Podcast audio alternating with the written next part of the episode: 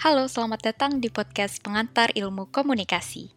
Podcast ini dihadirkan untuk memberikan materi pembelajaran bagi mahasiswa di Prodi Penyiaran, Prodi Penerbitan, Prodi Periklanan, dan Prodi Fotografi di jurusan Penerbitan Politeknik Negeri Media Kreatif. Saya, Putri Surya Cempaka, salah satu pengampu mata kuliah pengantar ilmu komunikasi di jurusan penerbitan, akan memandu podcast ini. Selamat mendengarkan! Pada pembahasan episode ini, kita beralih sedikit ke teori media yang ada hubungannya dengan teknologi informasi dan komunikasi. Akan didiskusikan setidaknya dua teori penggunaan saluran media atau Media Channel Use Theory. Teori yang pertama adalah Channel Complementary Theory, hasil penelitian Mohanduta. Teori yang kedua adalah Dynamic Motivational Theory, hasil penelitian Zheng Wang.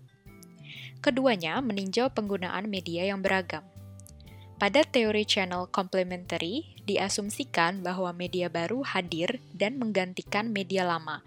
Jadi, media baru akan mematikan media lama. Contohnya ini adalah masa kini orang sudah beralih menggunakan media baru. Menonton sudah tidak lagi di televisi, mendengarkan lagu atau diskusi sudah tidak lagi di radio. Hal tersebut dikarenakan sudah ada pilihan yang semakin banyak di media baru. Nah, kebalikannya, maksud dari teori ini adalah menyampaikan bahwa ternyata media baru tidak menggantikan media lama, tetapi masyarakat atau pengguna menggunakan sejumlah media untuk melengkapi kebutuhan medianya. Pada akhirnya, media lama dan media baru digunakan secara beriringan. Ada yang masih menonton TV, ada juga yang masih mendengarkan radio, dan sekaligus juga menonton YouTube serta mendengarkan podcast, begitu juga sebaliknya.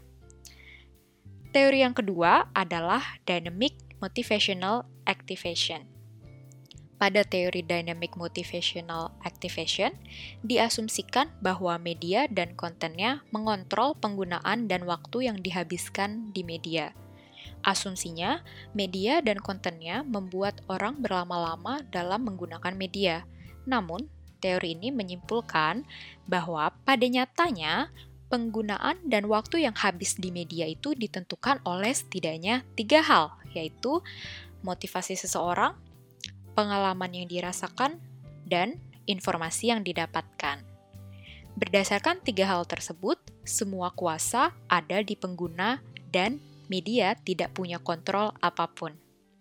Di era media baru, media semakin pasif dan pengguna berdasarkan teori yang kita pelajari hari ini tentu semakin aktif. Demikian penyampaian materi pada kesempatan ini. Terima kasih sudah mendengarkan dan belajar dari podcast pengantar ilmu komunikasi. Sampai bersua kembali di episode selanjutnya.